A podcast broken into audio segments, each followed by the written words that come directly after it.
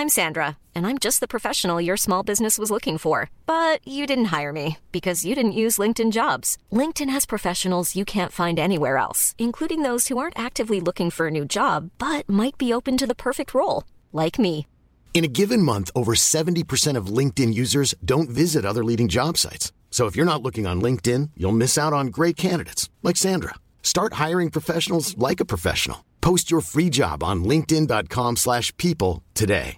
Hey, I'm Ryan Reynolds. Recently, I asked Mint Mobile's legal team if big wireless companies are allowed to raise prices due to inflation. They said yes. And then when I asked if raising prices technically violates those onerous two-year contracts, they said, "What the f*** are you talking about? You insane Hollywood ass."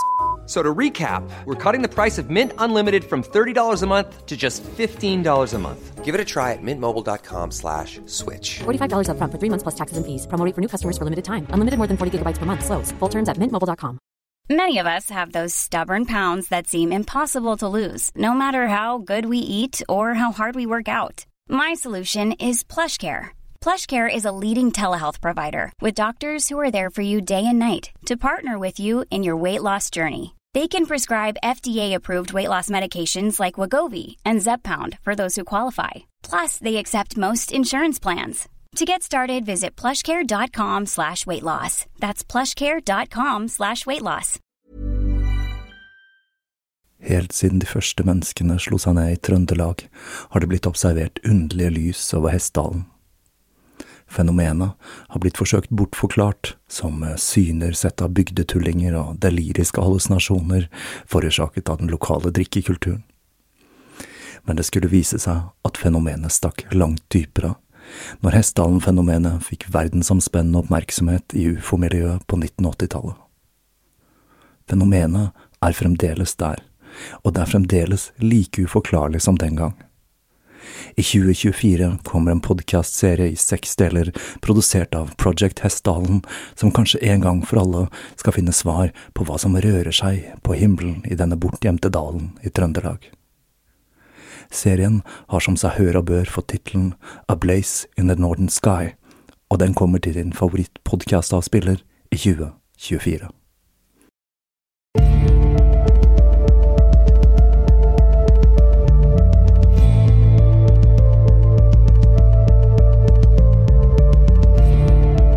Hei og velkommen til Tåkeprat. Jeg heter Even, og når jeg tar opp denne episode 212, er det lørdag den 25. februar 2023. Egentlig hadde jeg tenkt å begynne på den neste serien her i Tåkeprat i dag, og jeg hadde til og med skrevet en lang monolog om alt krøllet rundt Sofie Elise Isaksen og NRK. Men siden filmen Den siste farvel, Farvel med en rebell, hadde premiere i går, og jeg var i studio i dag for å snakke om nettopp Hva med venner, så tenkte jeg det var greit å skyve alt til side for heller å prioritere dagens opptak. Kort sagt om Sofie Elise kan jeg si at jeg lenge har undret meg over hvorfor NRK har valgt en såpass gjennomkommersialisert person for å nå målet om å nå ut til unge jenter. Alle som har drevet litt med podkast, vet jo at man når unge jenter ved å lage true crime-podcaster. Og så er det et annet poeng jeg virkelig undres over, og det er hva i all verden skal Sofie Elise med NRK? Hun har jo en så sterk merkevare at hun nok hadde gjort mer penger på en reklamefinansiert podkast framfor en fast lønn fra statskanalen. Om ikke før, så iallfall nå, med all den oppmerksomheten hun har fått i det siste. For jeg biter meg jo merke i at lyttertallene til Sofie og Fetisha har skutt i været etter all omtalen, og jeg undres jo i mitt stille sinn om jeg må gjøre et tilsvarende stunt for å få en lytteboost på samme måte. En idé jeg har leflet litt med, er å kaste en boks med joikakaker på Christian Krogs maleri Leif Eriksson oppdager Amerika. Om ikke det hadde vært performancekunst, så vet ikke jeg, og det hadde nok ganske sikkert skaffet meg omtale i mediene. Nå som NRK har valgt å legge seg på en mer kommersiell linje, tar jeg på meg deres samfunnsansvar. Og nå skal dere få den kanskje smaleste podcast-episoden jeg noensinne har laget. Jeg har vært innom Hva med venner tidligere, i episode 100. Og der fortalte jeg jo at nettopp Lucky er en av favorittfilmene mine gjennom tidene. Meningen min, den har ikke endret seg, når en elev ved skolen jeg jobbet på før, tok kontakt og fortalte at han hadde fått tak i et av originalmanusene til filmen, ja, da måtte det jo bare bli podkast av det. Og da tror jeg ikke jeg skal fortelle så mye mer. Her har dere episoden jeg rett og slett har valgt å kalle for Lucky.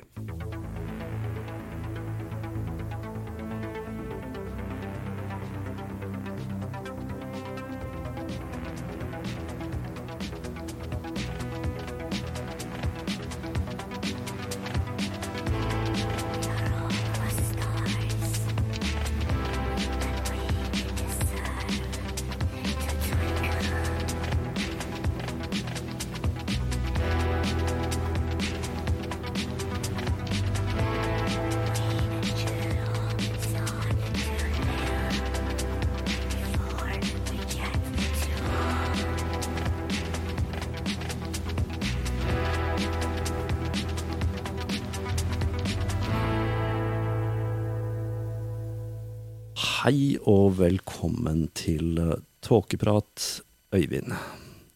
Hallo, Eivind. God dag. Artig å se deg igjen. Um, jeg tenkte sånn innledningsvis at uh, du kan kanskje fortelle litt om deg selv. Uh, for nå er vi i ferd med å starte hva jeg tror blir den særeste podkast-episoden kanskje som er laget noensinne. På Ja. verdensbasis, tror jeg faktisk. Ja. um, hvem er du, Øyvind? Jeg er Øyvind Thoralsson. Dette er jo for så vidt min podkastdebut. Eh, Jeg er 14 år og går på Majorstuen skole. Men eh, jeg i hvert fall, du har ikke hørt, dere har ikke hørt mitt navn før, men jeg var Even sin tidligere elev på min gamle skole. Og i dag så skal vi prate om et fellesemne som vi dypt elsker, og vi har satt oss altfor langt inn i, men som vi ja, ønsker å dele med dere, da. Og det startet eh, med at Even fortalte meg litt om dette på den gamle skolen min, Ja. og at vi sammen gikk videre. Ja, da kan jeg uh, fortelle litt hvordan uh, jeg kom til å ta opp det temaet på skolen uh, der jeg jobbet på. Eh, det hadde seg sånn, eller det har seg sånn at eh, gutter spesielt i eh, rundt fjerde-femte klasse, de begynner å synes det er veldig interessant å banne mye. Problemet er det at de mestrer ikke språket så godt, så de banner ofte på feil måte og på feil steder og veldig, veldig mye. Og da sier jeg til en av mine elever, ikke Øyvind her, en annen, at bare vent til du blir voksen, da kan du se Lucky, og da skal du få lære hva banning er da. Og det førte til at eh, mange av mine elever ble veldig nysgjerrige, og de oppdaget at det går an å se denne filmen jeg snakket om, som er 'Lakkis Vam og Vennerød, på YouTube. Uh, det var De aller fleste skjønte ingenting av hva de hadde sett, men det gjorde du, Øyvind. Ja, det gjorde jeg for, for så vidt. Men jeg husker øyeblikket hvor eh, vi går sammen ned til musikkrommet, og så forteller du meg om Lakki. Og så drar jeg hjem, og jeg hørte Lucky. Så jeg dro hjem og søkte Lucky, gutten som kunne fly. Og så får jeg vite at dette er Lucky med A.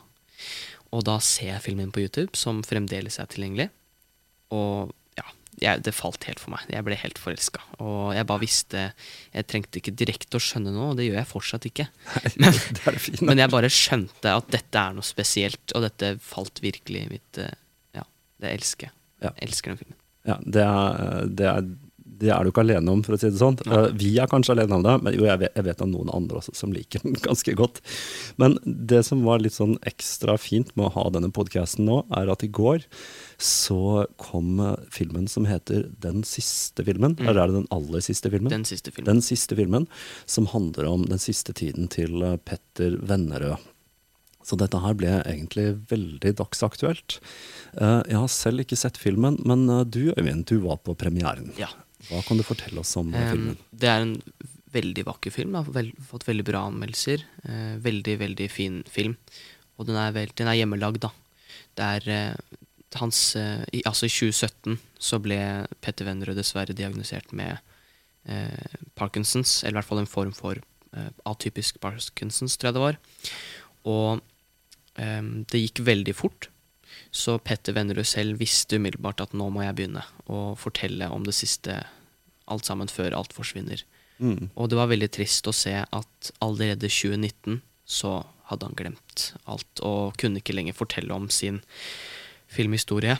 men at det er en veldig vakker film i seg selv.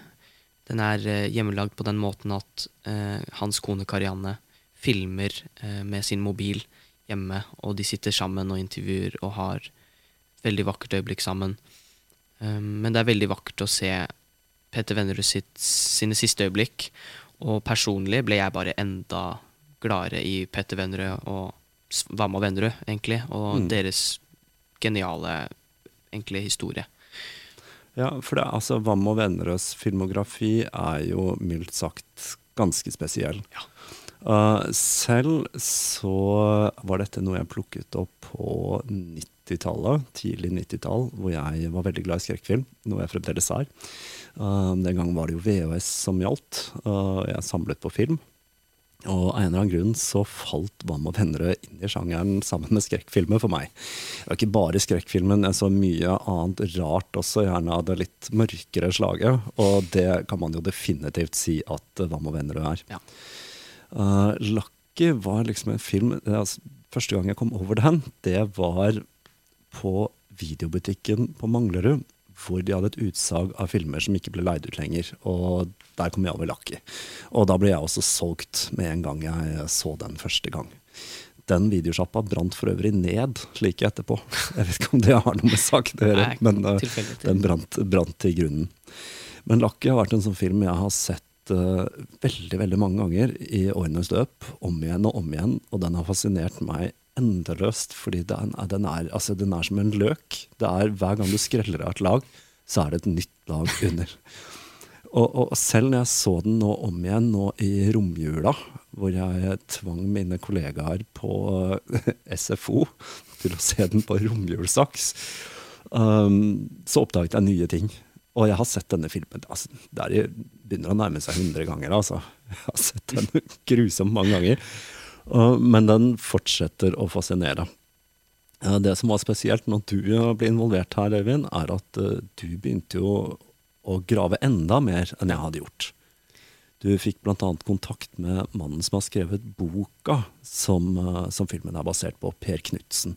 Så han har vi faktisk vært litt i kontakt med, vi. Ja, dessverre gikk jo Per Knutsen bort i fjor, Um, men at første jeg gjorde da, det var å spørre han um, Fordi vi gikk jo veldig dypt inn i dette da, analyserte filmen. Veldig dypt, Ja. si. Så vi forsto jo det som at lucky betyr eh, Jeg tror det var Gud, på en eller annen måte. Ja, det stemmer. Og det. Da spurte jo jeg Per Knutsen hva eh, sant, Var dette meningen? Var Mm. Lucky veldig spesielt? Og han syntes jo jeg var litt gæren, da. Og ante jo ikke hva helt jeg skjønte. Men uh, dette var faktisk veldig morsom liten historie. At uh, det var bikkja til en kompis av han som het Lucky. Ja. Ferdig med det. Ja. Lars Christian var det, tror jeg. Og da ble det bare til Lucky. ja. Så det var liksom Ja, det var bare navnet han fant Ja. generelt. Men altså, Ja. det er et perfekt navn, syns jeg. da Lucky. Ja, ja, det det, blir- har jeg aldri hørt det før. Ja, men jo, fordi jeg har Det er faren til en elev av meg har kallenavnet Lucky, Øyvind. Oh, fy faen. Uavhengig av filmen. Det er også en forkortelse for noe, så det er faktisk noen som går rundt og kaller seg for Lucky. Ja. Som er ganske utrolig. Jeg tror ikke, ikke han har sett filmen. Ja, men Det var ganske gøy. Og vi fikk jo da tak i boka, som eh, er skrevet av Per Knutsen. Den er ikke i trykk lenger. Men eh, nå sitter vi jo her inne i podkaststudioet på Deichman, og der har du, Øyvind, sjekket om de har lakki i beholdningen sin. Hva kan du rapportere fra, fra Deichmans beholdning av lakki? Eh, man skjønner nok ikke helt hva vi babler om i dag, men at jeg anbefaler om å se filmen eh, på YouTube, like akkurat nå, og boka tilgjengelig her på Deichmanske bibliotek. Ja, men det var det jeg lurte på. Du, du har sjekket at de faktisk har den? Mm, det er, altså, den ble jo relansert, den nå, eh, som bøker ofte blir etter at filmen kom ut. Ja. Så den het jo først bare 'Gutten som kunne fly', Ja. og så het den 'Lucky' med eh, coveret av eh, filmen. Og Oi. der, nemlig. Så det var jo da Aha. Slik så coveret ut. Ja. Og det var dessverre ikke her, den Lucky-utgaven, da. Men Nei. to eh, eksemplarer av 'Gutten som kunne fly' er tilgjengelig. Den har de, men du sa at de skulle egentlig ha tre. Ja, skulle egentlig Ja, okay. også vært en eh, Så det får vi sjekke. Mm. Det må vi finne ut, fordi jeg har den versjonen som heter 'Gutten som kunne fly'. Ja, Det er den første som kom før Mm. filmen, ikke sant, selvfølgelig. Så bra. Nei, jeg har kost meg mye med den. Jeg har lest den mange ganger. Ikke minst så har jeg lest den mye høyt for barn. Jeg vet ikke om det er helt PK, men jeg har nå en gang gjort det. Um, en situasjon jeg husker spesielt godt, det var når vi var på tur, og der var du med, Øyvind. Uh, du var ikke med i den lesestunden jeg hadde, hvor jeg da satt og leste en ganske hard narkoscene fra, fra Lucky for en gruppe barn. Og så kommer det en gruppe pensjonister opp bak meg og sier at 'å, så fint her sitter han og leser eventyr for barna'. Og så hørte de hva jeg faktisk leste, og de ble litt redselsslagne da. Uh, selv så så jeg ikke disse pensjonistene, men det var en kollega av meg som holdt på å le seg i hjel, som så, så de komme opp bak meg. Altså, det er bra. Men det er ikke bare bok og den VHS-en jeg har, vi har klart å få tak i i årenes løp, uh, Øyvind. Jo, jeg kan i hvert fall si at um, altså, jeg, jeg, er, jeg er en fyr som liker å ha ting foran meg og kjøpe Ja. Fysisk format. Ja, um, Ja. Så når, eh, etter at jeg så filmen, så fant du jo altså Først og fremst, du har jo VHS-en. Ja. Den har jo dessverre ikke jeg ennå, men jeg ønsker jo selvfølgelig å få den. Ja. Men det har, du har DVD-eksemplar, ulike VHS-eksemplarer. Den ble lansert på tre ulike eksemplar. Oi. VHS-en. Gutten som kunne fly, eh, som så sånn ut. Ja. Og så gutten som kunne fly med Lucky på taket med Marius-genseren. Var bare Eller nei, det var en engelsk versjon, skjønner du. Lucky the Boy Could Fly. Den ble også på VHS. Åh, dette Og så har, vi- har vi den du har. Ja. Så de tre har jeg lyst til å skaffe. ja. Ehm, og så ble det jo lansert på kassett. Men at i Ja. hvert fall jeg fant en person på finn.no Ja. som var nabo med Vennerød, og kjent med Vennerød. Og når Vennerød skulle flytte, så fikk jo han da hans kolleksjon. Og det, han Ja. har masse, da. Han har alle, alt fra filmografien deres. Men det var jo selvfølgelig Lucky som jeg ville ha. Ja. Og da fant jo jeg alt fra plakater til For du har med litt ting her uh, i dag, Øyvind. Eh, Jeg Jeg har har en- fått to gaver av deg. Jeg må si, dette er veldig fint. Jeg har fått en, et postkort med 'Gutten som kunne fly', som er en invitasjon til å kunne se filmen. Det er et rabattkort. Og her står det du er invitert til spillefilmen 'Gutten som kunne fly' når som helst og hvor som helst der filmen går, fra 4. september. Så hvis den vises, så skal vi Ja, da skal vi ha med den her, Ja, og gir du meg ikke to billetter Ja, ja, i bytte mot den, da blir det bråk, altså. For å være helt ærlig så tror jeg jeg hadde betalt to billetter for, å gi fra meg dette kortet. Som da, Her kan vi f.eks. lese at filmen har fått høyeste utmerkelse som beste ungdomsfilm ved Giffoni filmfestivalen i Italia. Som jeg må ærlig talt innrømme at jeg ikke har hørt om verken før eller siden. Men de har en ganske fin eh, statue, da. I premia. Ja. Uh, for det gikk jo ikke så bra med Lucky sånn når den ble lansert på kino i Norge. Det er nemlig det at uh, i Norge, egentlig også i verden, da, men uh, i Norge så gikk det bare fire dager etter at etter at den har blitt lansert, at den ble tatt vekk på plakaten. Alle overalt i Oslo, bortsett fra spesielt Nei, overalt i Norge, bortsett fra spesielt Oslo. Men at den ble slaktet av kritikere og publikum, og den ble bare tatt ned, da. Ja. Men at det jeg også så, da, som er litt rart, er at den ble jo eh, nominert for beste manuskript av Amanda-prisen. Gjorde den det? Ja, den ble jo det, faktisk. Yes. Ja, det har jeg ikke fått med meg. Så det jeg, jeg er ganske sikker på det, da, men det Ja. var visst tilfellet. Men at når jeg så den filmen, den siste filmen, det de gjorde, i hvert fall spesielt på Hotell St. Pauli og Adjø Solidaritet, vil jeg tro, Mhm. så gikk de rundt, for dette er jo en festival, da, Gifoni filmfestival, Ja. og de nominerer jo priser. Og da går de rundt med flyers og plakater og promoterer sin film og går rundt for folket. Ja. Og da viser de filmene. Og det ble ikke nevnt i filmen, men da etterpå, som vi leser her nå, så fikk de, eh, vant de Gifoni-prisen for beste ungdomsfilm. Jo, Ja. står det ikke noe om Amanda-prisen her nede? Gjør det det? Skal vi se her ah, du, du, du. Det står bare om Giffony, og så står det Det står noen sitater fra noen mennesker jeg aldri har hørt om før. Her, Ah, ja, her står det Amanda, nominert beste manus. Hvor da? Pek. Rett under beste ungdomsfilm. Italia. Der, ja! No, men, Der ja, står det, riktig. ikke Det var veldig lite. Jeg burde ha gjort det større. Men her står det jo um, et poetisk og hjertegripende eventyr. Bak smilet lyner kniven.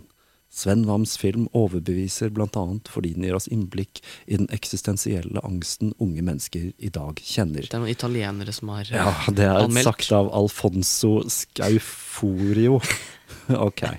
Ja ja, men uh, det var noe fint sagt da, i hvert fall. Men i hvert fall, um, som sagt så ble jo Lucky tatt ned med en gang. Mm. Og så ble den klippet om lite grann. Og så ble den relansert som 'Gutten som kunne fly'. Og da ble den vist på Gifoni, for eksempel. Ja. Det som hadde vært interessant, hadde jo vært å sett originalklippen. da. Ja. ja. Den må jo finnes et det er er det liksom som- neste nivå. Det, det er neste er- nivå for oss. Det Ja. som er så kult, som jeg tenkte at vi kanskje burde gjøre Altså Nå er jo Hva med venner død, og jeg er litt usikker på hva som har skjedd med Mephisto-film. Deres Ja. Fordi i filmen da så starter det med at Petter Vennerød drar til Mephisto-filmlageret. Og så ha, De har alle filmene Ja, ja. på disk. da, De har alle sammen. Og da drar han, og så får vi se filmen sånn perfekt utgave. Ja. Altså fire, sant, HD. Og det er Hvis vi kunne fått visning, eller fått sett dette noen Jeg vet det. Det er nok mulig å få til, Øyvind. Uh, Jeg har vært litt i kontakt med mennesker som har med Mephisto-film å gjøre. Mm. Og det som ble fortalt meg, er at uh, han, altså Petter ville ikke gi ut filmene på ny med mindre de ble redigitalisert. Og det ville koste flere millioner per film. Uh, han gjorde det med noen filmer. Uh, det er Lasse og Geir, i hvert fall, ble gitt ut på nytt. Og Adjø solidaritet, og jeg lurer på om ikke Drømmeslottet også. De har jeg nemlig på DVD et eller annet sted. Ja. Men ikke den beste av de alle, Lucky. Fordi det er vel ikke til å stikke under en stol at det regnes vel ikke som en av de beste filmene til Hva med venner, Det selv om jeg mener det som er det. Ja, nemlig. Ja. Uh, vi er jo helt uenige, men det regnes jo som den dårligste og dårligste sett på filmen av Mm. deres. Og jeg tror også samme med Nei, kanskje ikke, men muligens med Per Knutsen om boka. Ja. ja, han sa at det var liksom en bok han bare hadde glemt Ja. når jeg prata med han. Uh, men det han også fortalte, var at uh, Lucky var en ganske stor økonomisk satsing. Det var en av de Mm. filmene som, som Mamma og venner uh, lagde, som hadde kostet mest penger Ja. å lage. Uten at jeg helt kan forstå hvorfor. Men uh, det er Ja ja, det er mye fine lyseffekter og Jo, Ja, det, er- selvfølgelig. altså, det er veldig vakkert. Ja, Ja. filmen er jo kjempespennende. Ja, altså det, det, det, er, det, det høres jo kanskje ut som vi gjør litt narr av hva man endrer her, men de var jo flinke til å lage film. De kunne filmfaget, Ja. det kunne de. Selv om uh, de gjorde litt mye rart. Som jeg alltid har sagt, så er Mamma og Vennerød de, er, de skildrer virkeligheten sånn to gutter fra Frogner forestilte seg at virkeligheten til personer på østkanten var. Og det preger jo en del av filmene deres i større eller mindre grad, da. Ja, men det er morsomt som du sier, når du kontaktet uh, Per, Ja. så mente jo han at dette er bare tull. Dette er jo ikke seriøst. At uh, du ønsker å Nei, nei, han, virkelig hylle denne ja, ja, nei, han eh, trodde jo. Han sa at nei, dette Jeg har laget en episode før uh, hvor jeg snakker om Hva med venner uh, fordi det er noe av det beste jeg vet, og der hyller jeg jo Lucky. Men han tolket det som ren utdritning. Uh, og jeg hadde jo kontakt med han etter dette og prøvde å overbevise han om at nei, det er, det er faktisk Jeg syns den filmen er kjempekul, men den er jo også morsom. Altså, den har alt, på en måte. Mm. Uh, ja, det burde vi kanskje si litt om. Altså det jeg liker så godt med Lucky, um, i motsetning til de andre filmene til Mamma og venner, som jeg også liker veldig godt, er at Lucky holder seg Den er sebar hele veien igjennom. I mange av filmene til Hva med venner så er det store sånne dødpartier som blir veldig kjedelige. Ja, det er helt riktig. At hele spennende, like spennende. Ja, ja. Det hopper liksom fra sekvens til sekvens som mm. er helt fantastiske, og som har tilsynelatende så mye dybde at man aldri kommer til bunns i det. Altså. Det er så mye symbolikk mm. og Åh, nei, det er uh, igjen Jeg oppdaget nye ting når jeg så den nå i romjula for nesten hundrede gang. Så så jeg plutselig Oi, det har jeg ikke lagt merke til før. Og det er um, Ja, for det kan vi si også at det er uh, det er forskjeller fra boka til filmen. Ja, store forskjeller. Det er store forskjeller òg. jeg ble litt overrasket når jeg leste boka første gang, og oppdaget at oi, nå skjønner jeg plutselig hva gutten som kunne fly egentlig betyr for noe. Det handler om en gutt som planlegger å ta selvmord. Uh, for det kom ikke så tydelig fram i filmen, Nei. For jeg jo helt overbevist om at dette handlet om eh, at Lucky var klar for å flytte hjemmefra. Ja, I filmen så eh, er det igjen ikke forklart, men han eh, filmen begynner med at Lucky våkner og ser et stort arr på ryggen sin. Og utover filmen så blir dette arret større, og så gror det plutselig vinger. Ja. Og til slutten av filmen så velger han å rive, altså etter alle hendelser, da, med Han er jo en rebell, en pøbelunge, som går imot alle regler. Og da, til slutt, så river han av vingene sine, og så ser vi en scene hvor han ut av egget klekkes og gå. Ja. i et stort reir, ligger han naken, tre. Ja. og så løper han fritt ut i gjengen. ja. Og det betyr jo Det tolker jo vi veldig lett som at han Forlater redet, forlater redet. Og så har du all den andre symbolikken. Du har um, Du fikk nemlig, eh, Øyvind, strikket en genser til deg av maken til den Den, lakke har den filmen. ikoniske Den islenderen. ikoniske islenderen som Vi kan vel si at uh, islendere er noe som går igjen i mange norske filmer gjennom tidene. Orions belte, blant annet, er noe jeg tenker på der. Men den genseren er veldig spesiell for Lakke fordi han får den av bestefaren sin. Og hva var det med bestefaren til Lakke, Øyvind? Bestefaren er jo, var jo eh, psykisk, mentalt helt eh, Han var gal. Ja, han var gal. Han var gal, kan vi si. Han ble lagt inn på mentalsykehus. Ja. Og da, rett før, så ble han gitt eh, Marius, eller islenderen. Ja. Og til slutt, da, mot filmen, så Mm. velger han å brenne eh, islenderen sin Ja. i, i ovnen. Og det igjen vil jo tolkes som å slippe tak på denne Ja. liksom, grusomheten fra, fra sin bestefar og fra sin far og ja, Ja, som sin mor. han brenner familiens arvesynd, sånn tolker jeg det da. Uh, men er den Jeg tror ikke den heller Er den nevnt i boka? Jeg, jeg, jeg ble usikker på. Jeg veit at den er der, fordi han, i starten av filmen så tar han på seg islenderen. Ja, Den han har på islenderen, men jeg veit ikke om den er like viktig. Jeg veit ikke om han brenner den. Nei. Så det er mye som er fra boken, som er ikke i filmen. Mye fra filmen Ja. som ikke er i boken. Vi kan si at der filmen og boka er veldig forskjellige, er på det symbolske. Mm. For boka er ikke så symbolsk, Nei. mens i film, filmen er jo nesten bare symbolsk. Ja. der de er like, derimot, er dialogen. Det overrasket meg litt når jeg leste boka første gang. uh, hvor mye av dialogen som er hentet direkte fra boka. Mm. Uh, For jeg var jo og så Nå har vi vel kommet fram til at det var 25-årsjubileet for Adjø solidaritet. Da var jeg og så den på Cinemateket, uh, hvor jeg satt ved siden av Sossen Krogh, som vel også er død nå. Alle i denne historien er døde, Ja. det er litt synd, så vi må bære, bære dette videre. Ja. men da sa Petter Vennerød at han så i ettertid at det at de hadde krevd, han og Wam hadde krevd at all dialogen skulle fremføres akkurat slik de hadde skrevet det, Mm. det var ikke alltid fordelaktig, sa han. Omtrent noe sånt som det. Og det men ja, da er det jo litt interessant at de har brukt Per Knutsen sin, uh, sin dialog. Jo, for som jeg må nevne, er at Som overrasket meg veldig, er at Per Knutsen er så utrolig likt språket til Vamma Venner som de Mm. tidligere har gjort. Og som jeg nettopp nå sitter og leser her, Even. Ja. Boken ble jo lansert i 1988. Nå har jo Hva med venner holdt på en stund. Ja.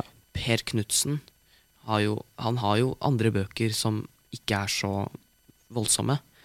Har han tatt inspirasjon fra Hva og Vennerød? Har han ønsket å lage samme syn som dem? Og bare fire år etter så kom jo denne filmen ut. Mm. Og det er jo et tydelig samarbeid mellom Hva og Vennerød, manuset alt sammen. Det er veldig godt spørsmål. Hva kom først, liksom? Fordi Det gir jo mening at de vil lage, lage film av Petter, nei, Per sitt eh, Ja. sin bok. jeg, altså jeg liker å tenke på at på det som om Hva med venner har sitt eget univers, litt Mm. sånn som Marvel og DC, bare at deres univers er litt uh, ja, det er, det er ganske nære vårt eget, men det er litt annerledes. Ja. Uh, og som du sier, så er jo boka satt egentlig i det samme universet. Eh, det er noen store forskjeller. Vi har denne scenen hvor i boka så drar Lakke og faren og moren, når han er liten, er på, på telttur. Lakke er vel, Hvor gammel er han? Seks år, eller noe sånt? Eh, ja, han er veldig Sånn. ung. Mm. Ja. Og i boka så drar Nei, i boka drar de ikke på telttur, drar, drar, drar de på hyttetur til noen venner av faren som spiser fleinsopp ute på en hytte, og det skjer masse greier. De er totalt kuttet ut av filmen, for i filmen Ja. så drar de på telttur. Og da, Bare de tre. bare de tre, og de koser seg og bader og sånn, men plutselig en dag så kommer det en mann i bar overkropp i kajakk. Eh, plutselig. En ung, kjekk mann. Plutselig uh, padlende inn. Uh, så driver mor og far og festemmer og drikker med han, og så går far og legger seg med Lakki. Men ikke mor.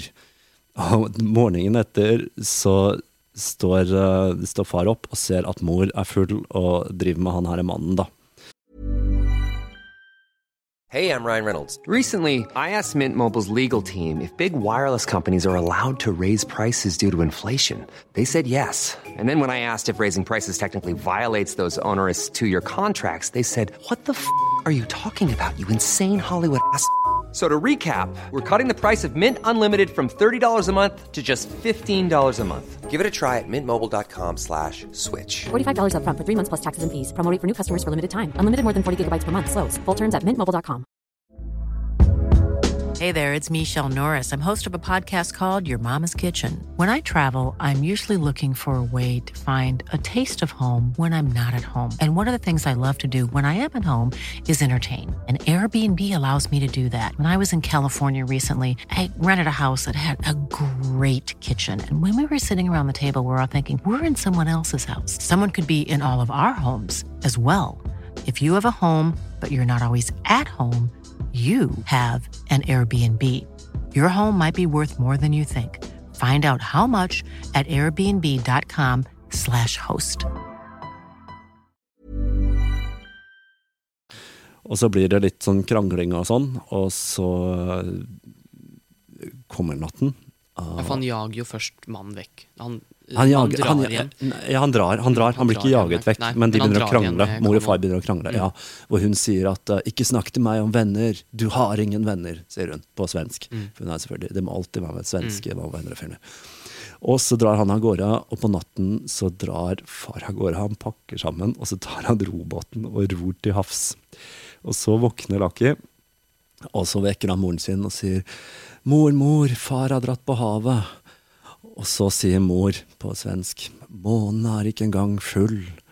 Rop ikke, for natten kan straffe oss. Som er en helt fantastisk ting å si. Perfekt. ja, det er helt perfekt. Så, øh, og den er, det er rent Hva med venner som har skrevet, da, siden det ikke er i, i boka. Så, så de kunne jo dette her med dialog på sin øh, helt egne måte. Men du har fått tak i enda flere ting, Øyvind, fra, øh, fra denne Hva med vennerød-kontakten din. For i dag så har du med Ja, dette er jo så sært og så, så lite område. ja, Og det ble jo ikke laget egentlig noe som helst for filmen, annet enn at eh, det ble jo promoplakater Ja. eh, utenfor kinoene, og dette rabattkortet fra Gifoni. Men at eh, jeg har klart å finne selveste manuskriptet brukt under filmingen. Det er helt fantastisk. Så dette er Dette holy er- grail, altså. Ja, rett og slett. Etterpå så tror jeg vi må ta bilde av Ja. oss to sammen med Dette det er en hvit dreiebok Ja, med Lucky Innbundet, faktisk. mm, innbundet. Og jeg er veldig, veldig sikker, fordi som sagt så fikk jeg jo dette av samlingen til Petter Vennerød. Dette er nok Petter Vennerød sitt eget manus. Ja. Fordi her står det mye skrevet om og byttet på, og nå som har blitt tatt ut. Så her ser vi setninger som ikke er i filmen. Ja. Som blei skrevet. Fordi heldigvis så har han brukt blyant og veldig lett tusjet over ting. Så vi fortsatt ser hva som står Ja. der. For eksempel så har han strøket ut uh, Det er en greie etter uh, Lucky har hatt uh, en bad trip. Han tar et eller annet stoff Med Tim, vel. med Tim, ja, i form av en tablett. Hvor han gir den til Lakki, og så sier Lakki 'jeg har ikke noe å svelge den med'. Det gjør ikke noe, sier Tim, og spytter han inn i munnen. Det er helt vanlig ting å gjøre i Hva med venner sitt univers. Han får i hvert fall en bad trip, og så får han sniffe et hvitt pulver. Og her har faktisk da Petter krysset ut dialogen som er Lakki, som sier 'Hva er det vi tok? Kokain?' Tim 'Nei, dessverre'. Lakki 'Hva da?' Tim 'Heroin'. Uh, det hadde de droppa, da. Mm. Så det er, det er interessant. interessant. har du droppa det, vet du? Ja, det har droppa det. Det var så kult. Uh, jeg tror han sier uh, Hva var det vi tok kokain? Nei, dessverre, tror jeg faktisk sier i filmen. Mm. Men ikke heroin. Nei. Så det er, det Så er ser jeg også her at um, Dette er scenen hvor Tim får buddha-statuen av Lucky. Ja. Her så originalt så sto det 'Hvis jeg blir tatt med den, får jeg flere måneder ekstra. Behold den'. Men istedenfor så er det bare 'Nei, behold den'. Ah, ok. Det var synd. Så jeg har gjort, altså, de tenkte veldig mye rundt uh, dialogen, altså. Det er det ingen tvil om. Uh, um, det er forferdelig synd at jeg ikke fikk uh, prata noe med, med, med Petter før han, han tok kvelden, altså. Ja, Fordi jeg skulle gjerne pirket litt i hjernen hans og hørt litt hva han uh, tenkte. Veldig interessant. Og så har vi en annet manus som ligger her, eh, Øyvind. Uh, og dette her Dette har en egen historie. Fordi, Dette er kanskje enda mer spesielt. ja, det, ja, dette er spesielt. Fordi det, var jo, det var jo på denne gamle skolen. Ja, og der skjedde det litt ting, fordi vi tok jo Lakki til nye høyder, og gjorde faktisk uh, Lakki som en del av pensum i, i Ja. en seks måneders tid. Uh, og jeg tror vi klarte å flette Lakki inn omtrent alle fag som tenkelig er. Um, og her har vi da klart å kombinere, hva skal vi si for noe, drama og nynorsk. Ja. Dette, Ja. ja. dette var en nynorskoppgave. Ja, så vi, vi har um, da faktisk skrevet en scene fra Lucky om på nynorsk som vi fremførte. Mm. Og som vi filmet, og som vi sendte til Per Knutsen. Ja. Så han har, han har faktisk sett. Og det, han syntes det var kult, da. Ja. Så det er litt bra. Dette, er, dette er nemlig et teaterskuespill Ja. som jeg og Even har tatt ut ifra manuset Ja. til filmen. Og vi har uh, satt uh, Man har fått ulike roller, disse elevene på skolen, og Ja. vi har fremført dette for hele klassen. Og uh, det var holdt på å si kritisk veldig elsket, holdt jeg på å si. Men det var veldig mange forvirrende. Vi mora oss veldig med synonymordboken her. Det må vi Vi satt med boken og lå i hjel. Ja, så har jeg et eksempel. Du kan lese litt. Jeg kan lese lite grann. ikke sant? Fordi det som skjer i begynnelsen av filmen, er at uh, Lucky han eh, skal ha gym, hvor de har svømming, og så har du gymlæreren som da alle kaller for Tarzan, som løper rundt med fløyte og speedo og blink, blunker til jentene. Han er en veldig uspiselig type som senere begynner å date mora til Lucky, selvfølgelig. Så skal jeg bare si at eh, Ja. dette er ikke nynorsk, holdt jeg på å si. Dette er det mest nynorske du kan få. Ja, og så har vi først da Tarzan. Hei du, hvorfor har jeg ikke sett deg, deg her tidligere, tidligere Lucky? Eh, Så tar han lighteren til Lucky. Jeg må starte på nytt. Fordi han, han, Lucky sitter på en benk, og så sitter han uh, med lighteren sin. For han har akkurat røyka. Hei, hvorfor har ikke jeg, ikke jeg sett deg her tidligere? Og så tar han lighteren, og så sier Lucky, du kan få kjøpe den om du vil. 22 grunker. Så sier han, det bosset der koster kun 7,50. Okay. Vær varsom, så ikke hårklednaden din står i flammer. Dette er marsj inn i omkledningsrommet. Og så begynner han å slåss med Lucky, og så sier Lucky 'du gjør ende på meg'. Og så til slutt du skal inn dit, om så må stridast hele solrenningen. Og den settingen der, altså. Om vi så må stridast hele solrenningen. Er dette her eh, Du kan ikke si annet enn at vi hadde det gøy på skolen. Dette var kjempebra. Egentlig så burde vi gjort hele Vi burde skrevet et helt skuespill ut av det. Det er bare første scene. Ja, det er bare første scenen. Um, men det var ganske bra. Gutten med vingene, som vi valgte å kalle den for. Veldig, veldig bra. Nei, men altså, det var jo et forsøk på å få innblikk på dette hos de unge, i hvert fall. Ja for, ja, for vi gikk jo ja, rundt med denne presentasjonen, og så hadde vi skuespill. Jeg tror ikke Lucky festet seg like hardt hos alle som gjorde hos deg, Even. Det Nei, tror jeg det vi kan slå fast.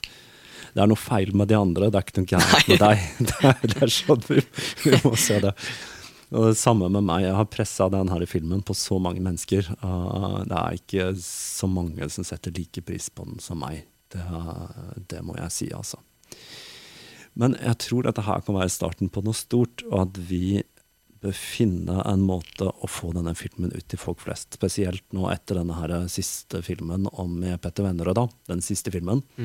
Så må vi prøve å presse lakket opp og fram. Vi må jo uh, si at i forbindelse med denne episoden, så har jo du har jo prøvd å få tak i lakket, du. Nemlig.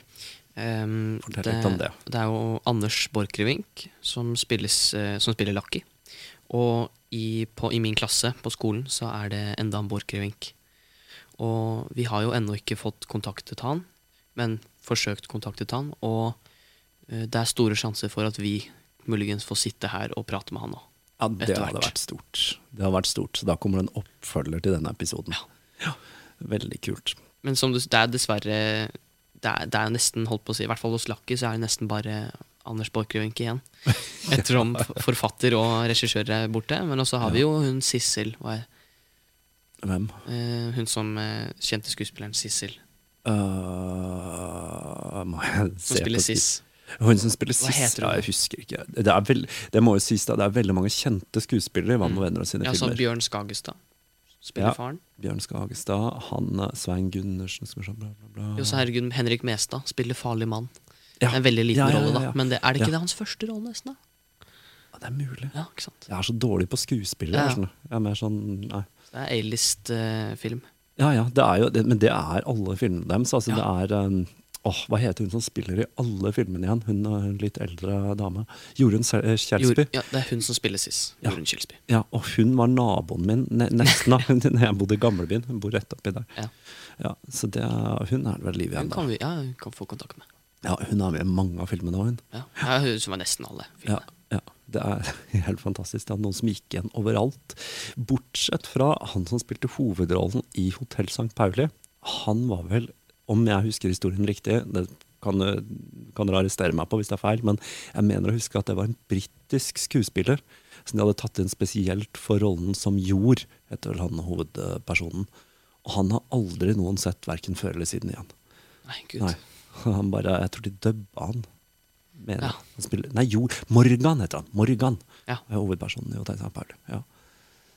Det var en ting til ja, når vi gikk på skolen. Det var ikke bare lagde vi dette skuespillet, som eh, jo var eh, fantastisk morsomt, men eh, vi lagde også Du lagde, nå sier jeg vi.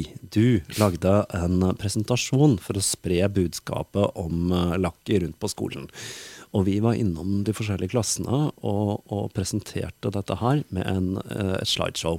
Hvor langt var det slideshowet i antall slides, Øyvind? I hvert fall fra jeg så filmen, så gikk det Altså, vi satt i klasserommet på hver vår PC og søkte og søkte og kjøpte, holdt jeg på å si, og vi fant alt vi kunne. Og etter å ha nøyeanalysert filmen og sett den flere ganger sammen på skolen, så ønsket vi nok en gang å få dette til de unge. Og da lagde vi, eh, eller ja, vi lagde en powerpoint om Lucky. Ja, en, en dybdeanalyse, kan vi kanskje Ja, kalle det. det går ikke an å gå dypere enn det. Ja, nei. Hvor mange slides husker du? Vi, vi, vi brukte hele dagen. Det var en veldig flott privatskole som lot oss gjøre dette. ja. Og vi brukte hele dagen. Vi begynte eh, på starten av dagen, og alle satt og hørte på. Ja. Og når vi var ferdig helt på slutten av dagen, etter fire timer, vil jeg tro, så Ja. satt det to igjen. ja. Men at dette var rundt 120 slides, ja. det var det. Det var ganske langt. Men at det tar liksom Det var ett, maks, minst to minutter på hver slide, liksom. Ja. Det var grundig, grundig, grundig analysert. Ja. Men til tross for det, så føler jeg vi enda ikke er kommet Nei, helt til bunns. absolutt ikke. Man, man, man, som du sier, at du finner noe nytt hver gang. Ja. Det går ikke an å, å finne ut alt. Og yes, ja Det er scener som vi bare ikke får tak på i det hele tatt. Nei, det er, det er noen mysterier, som nøkkelen. Nøkkelen i drømmen. Han, har en, han finner, eh, sånn som jeg husker det, han finner en gyllen nøkkel som han bruker som ikke passer i en dør. Er det ikke Det er et sånt hvitt rom med masse dører, Ja. og de funker ikke. Men så plutselig funker det. Ja. Og så åpner han døren i ja. en skog, da. ja. Og det er her også, hvor han går ut i vannet. Kan, Og så svømmer han med lekene det er der han svømmer med leken, ja. Det er en slags link til barndommen hans. Mm. På en eller annen måte. Fordi når han var ung, da var han lykkelig. Før far Og så kommer far kommer igjen nå, vet du. Ja. Det er så mange lag her. Han, jeg, tror, jeg tror det er meningen at han var lykkelig da han var liten, og så kommer far tilbake igjen når han bader en liten stund. Ja, det er et vanskelig forhold mellom mor og far. Ja, og så, så drar far av gårde så krangler de igjen, ja. Ja. Han drar. Og, og for de av dere som ikke har sett filmen uh, hundretalls ganger, sånn som vi har, så, så uh, Lucky har det ikke så greit. Det er litt av premisset her, da. Nei. Han har en uh, forholdsvis alkoholisert mor som har mange forskjellige menn. Og en far som har fått seg en ny dame som er gravid, og hun nye dama vil ikke vite av Lucky. For hun mener hva er det hun sier om Lucky, Øyvind? Um. Hun nye dama til faren. Husker du det? det husker, hun-. Hun mener i hvert fall at han har en dårlig påvirkning, for hun har et barn fra før. Ja, Hun ja. mener at han Lucky påvirker han. Fordi så, ja, altså Barnet På dårlig. ung alder så er det litt sånn frem og tilbake mellom mor og far. Og så når han blir eldre, så setter mor seg eh, sammen med sin venninne Sist Ja. i en leilighet og bor Ja. der, og så bor eh, far Nei, med ja, sin hun, nye bo, kjæreste. hun bor vel ikke der, hun bare er der og drikker Ja. mye vin. Ja, og f- kjærester kommer inn Ja. hele tida. Ja. Men at Masse menn. eh, det er jo eh, Det var veldig passelig på sin tid, både altså, boken og filmen. For det var, jo, det var jo sånn det var på den tida. Veldig rebelt og det var han, Lucky er en pøbelunge. Ja, ja han, er vel, han er vel det. Altså, de klokka vi må, vi har et par ting vi må, vi må, Ja, vi må analysere her nå. For vi, vi, kan vi kan ikke gi oss riktig ennå. Klokka til Aki, fordi det er en stor greie. Nå sitter jeg og ser på en annen ting du har, som er promoavisen for Lucky. Kjempeflott, som jeg har fått et eksemplar av deg av, som jeg tror jeg må ramme inn og henge opp hjemme. Og her har vi bilde av Lakki da, som står Dette bildet vet jeg er tatt i gamlebyen, på jernbanen i gamlebyen. Uh, og der har han på seg skinnjakke, en batikkskjorte, og rundt halsen har han en stoppeklokke. Han har på en måte to sånn spesielle kostymer, og det er det, og så er det islenderen sin. Og så er det islenderen. ja. Men han har alltid, uansett hva, på denne stoppeklokka Ja, si. ja. Og det, fordi den stoppeklokka, den Hva symboliserer den? Altså, den har noe med tid å gjøre. Det, det er jo åpenbart. Uh, han går rundt og tar tiden på ting. Han tar tiden på alt. Så når han våkner, med en gang han våkner, så stopper han tida. Han tar Ja. tida hvor lenge han sover. Ja. Men det blir aldri forklart på noen måte. Nei, ikke i det hele tatt. Det, det, er, eh, det er Ja, nei. Ja. Men at i hvert fall Jeg husker ikke helt riktig. Men blir han ikke kvitt denne stoppordklokka mot slutten òg? Gjør han det? Jeg husker ikke. Den forsvinner litt i, uh, i Den, liksom, den er viktig på begynnelsen, og så forsvinner den litt. da Men jeg veit ikke om Mm. han har den hele veien. Eller om han blir kvitt den på en eller annen måte. Nei, for han brenner jo genseren sin, og så river han av seg vingene sine. Mm. Men klokka, hva skjer med Nei, jeg, jeg husker ikke, Øyvind. Jeg tror vi må se filmen en gang til. Mm. Jeg tror det er den eneste, eneste løsningen her. Som dere som hører på sikkert skjønner, så er dette en film med uante dybder. Uh, ikke la deg lure av førsteinntrykket. Her, er det- her er det mye å hente, altså. Av alle filmer jeg tror begge oss to har sett i vårt liv, så f det, er fin det er aldri sett så mye symbolikk noen gang i en film. Nei, vet du hva, det har Hver eneste har scene er det titalls med øyeblikk hvor du bare sitter og lurer, men så Ja. bare går det videre. Ja, altså, liksom, ingen, ingenting blir forklart. Det er ingenting som blir forklart her. Nei, det er, uh, det er litt underlig sånn sett. Men det er altså. liksom, boken har ikke i nærheten av like mye symbolikk. Nei, den er mye mer, den er mye mer jordnær liksom, ungdomsroman av, av P. Knutsen, mens film, den her er- Nei, den er, den er eh, en evig gåte, denne filmen. Her er det intervju med Anders Borchgrevink også i Mm. denne her. I avisen. Ja. Han var like gammel som deg da han spilte lakk. Ja. Det er interessant. Det, er, det må være en dypere mening i det. og jeg syns det var en merkelig og nesten litt skummel historie. Men da jeg leste manuset for andre gang, forsto jeg mer av innholdet og selve meningen med filmen. Oi! Hvis han har forstått det, Øyvind, Ja. da må vi jo prate vi med han. prate med. Ja, for det, det er noe jeg savner. Noen som virkelig for, jeg, tror, jeg tror ikke det er mange som har brukt så mye energi og krefter Nei. på å prøve å forstå Lucky som det vi har. Um, Vi er, altså, jeg, jeg, sier det nå, Even. Vi er de største Lucky-fanene i, i verden. jeg vil heller bruke ordet ekspert. Ekspert. jeg, tror, jeg tror vi Vi har er utdannet oss på dette. Rett og slett. Ja. Vi er, vi er Lucky-eksperter. Det er ok. Men jeg skal i hvert fall si at som jeg forstår det, så eh, Vam og Vennerud har jo forandret eh, eh, film, filmverden i Norge. Ja. De har jo gjort mye viktig, men det fins jo de, de er jo på en måte revolusjonerende, men de er jo de er jo ikke sett på som genier, altså. Du har noen mennesker som virkelig ikke liker dem. Noen mennesker som ikke syns noe om dem, og noen som virkelig syns det er helt briljant. Mm. Og vi sitter jo der, vi syns jo det er virkelig bra. Ja. Nei, det gjorde jo altså De ga ut filmer veldig hyppig. De ga vel ut en Mm. Ja, film herregud. omtrent Det var det som ble fortalt i filmen, at de Ja, 14 mest- filmer på 20 år. Ja. Omtrent hvert andre år. Mm. Uh, og de hadde ofte ikke så mye budsjett, uh, men de bare gønna på å lage film. Og de var Altså, de kunne faget sitt, de var flinke til å lage film. Mm. Uh, noen ganger bommet de, noen ganger traff de. De Lasse og Geir er jo en, er en veldig kjent film i Norge. Ja, den ble vel mye kjent pga. Åpen post, sånn i Ja. ettertid. Pga. at det maser som et lokomotiv. Men det er en absolutt kul film. Det er litt mer en sånn tidskapsel, for den er så gammel. Uh, men du har et par scener der. Altså, du har busscenen, den er Ja, ja, ja, ja. legendarisk. Uh, og så har du um, middagsscenen hvor uh, hvor da, er, Jeg husker ikke om det er Lasse eller Geir ja, som har verdens minst hyggelige middag sammen med mor, far og lillebror. sitt. Ja, det er han, han med det lange håret. Hvor det er eh, faren som sier noe i retning av at uh, 'jeg skal ha middag, jeg skal ikke ha stivt, gult vann'. Ja, og så sa han han jeg, fikk, jeg, jeg, fikk- ja, jeg, jeg, jeg kommer hjem, og jeg får gelé til middag. Jeg skal Ja. ha mat. Jeg skal ha mat, ja. Han er veldig Og så sier mor at eh, 'ja, men jeg ville jo bare gjøre det litt koselig'. Er det dette du kaller koselig, sier han, og så holder geleen opp foran henne. Nei, det er, eh, det er kos som bare hva med venner kan gjøre det, altså. Altså, Lucky er jo en mørk film. Det ligger jo et plott under der. Mm. Men at det er jo faktisk en av de mer feel good-filmene.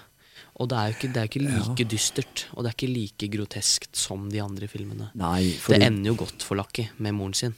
Ja, det ender, det ender positivt. Jo Og nesten, vi, det er en spoiler, da. Den burde vi jo advart. Ja, men det- filmen er jo gans, Den er fra 91, da. Så uh, 91? 92. 92. Åh, det sa jeg feil. Lansert 92. Lansert i 92.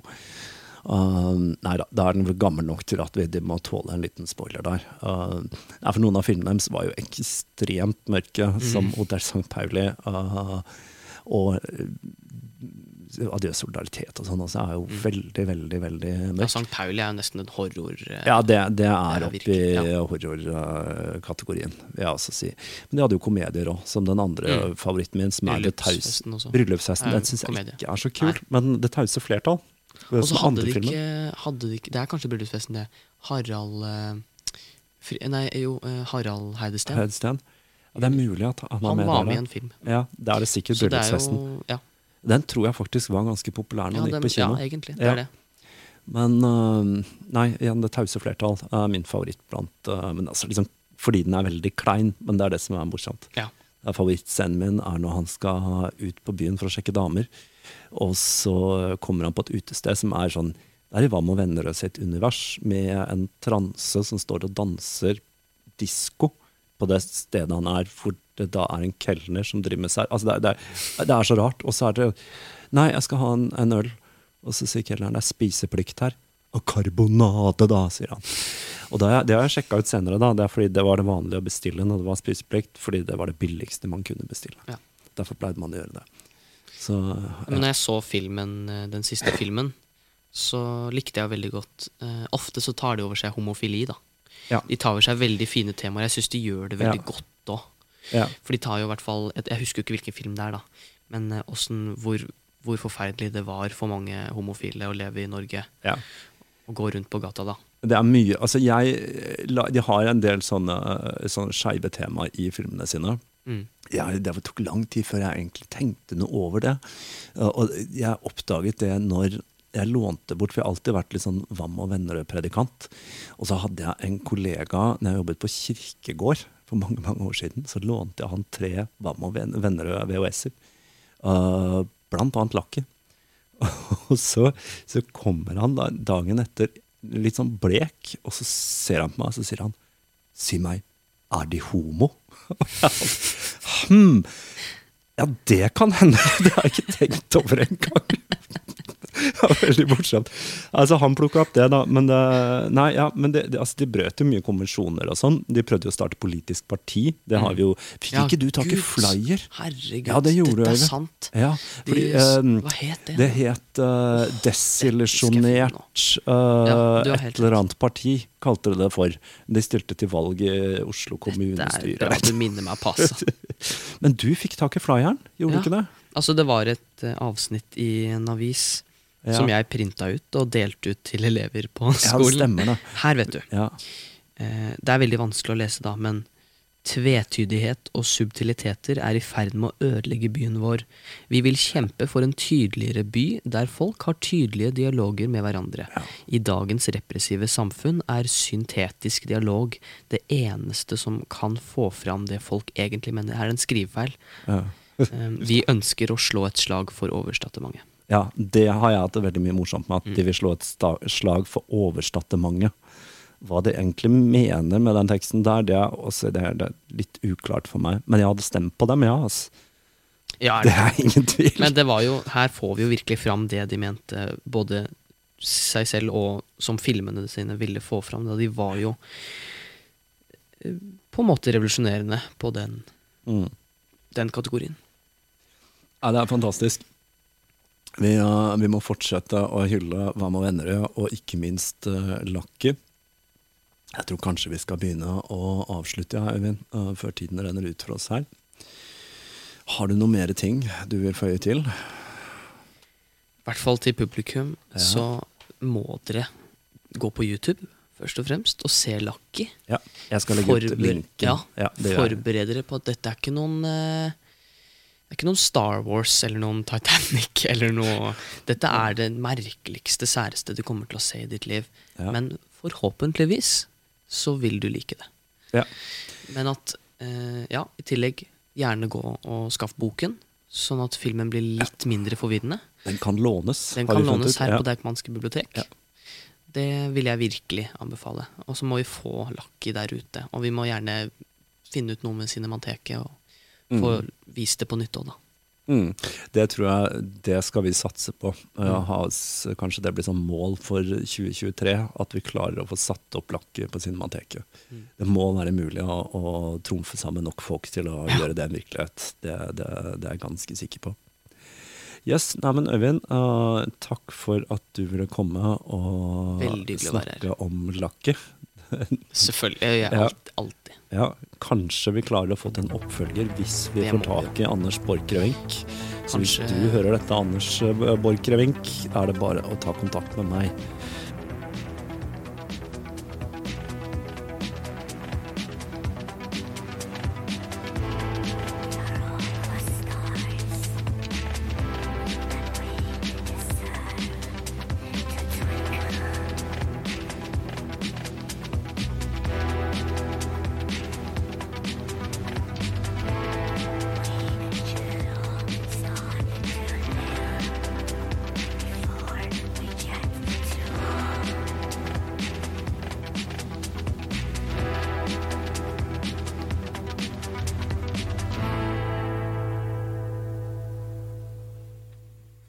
Det var det. Jeg håper så mange som mulig av dere tar oppfordringen og ser Lucky. Om noen der ute har kontakter som ville gjort det mulig å få til en kinovisning av filmen, så ta kontakt. Jeg satser på at dette kun var det første kapitlet i en relansering av hva jeg og Øyvind regner som den beste norske filmen gjennom tidene.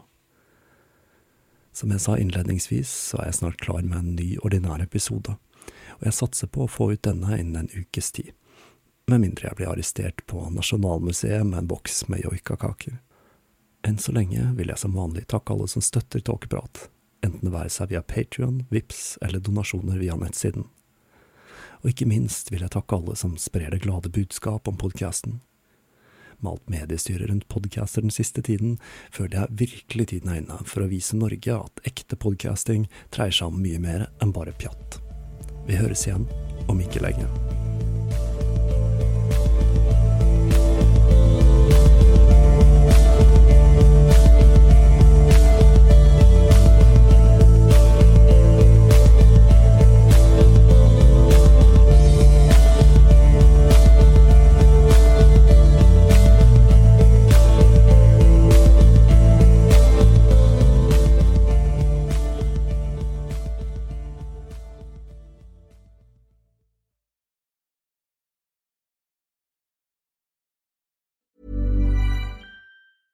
Hey, it's Paige DeSorbo from Giggly Squad. High quality fashion without the price tag. Say hello to Quince. I'm snagging high-end essentials like cozy cashmere sweaters, sleek leather jackets, fine jewelry, and so much more. With Quince being 50 to 80% less than similar brands. And they partner with factories that prioritize safe, ethical, and responsible manufacturing. I love that. Luxury quality within reach. Go to quince.com slash style to get free shipping and 365 day returns on your next order. Quince.com slash style. Planning for your next trip? elevate your travel style with Quince. Quince has all the jet setting essentials you'll want for your next getaway, like European linen, premium luggage options, buttery soft Italian leather bags, and so much more. And is all priced at 50 to 80% less than similar brands. Plus, Quince only works with factories that use safe and ethical manufacturing practices. Pack your bags with high-quality essentials you'll be wearing for vacations to come with Quince. Go to quince.com/pack for free shipping and 365-day returns.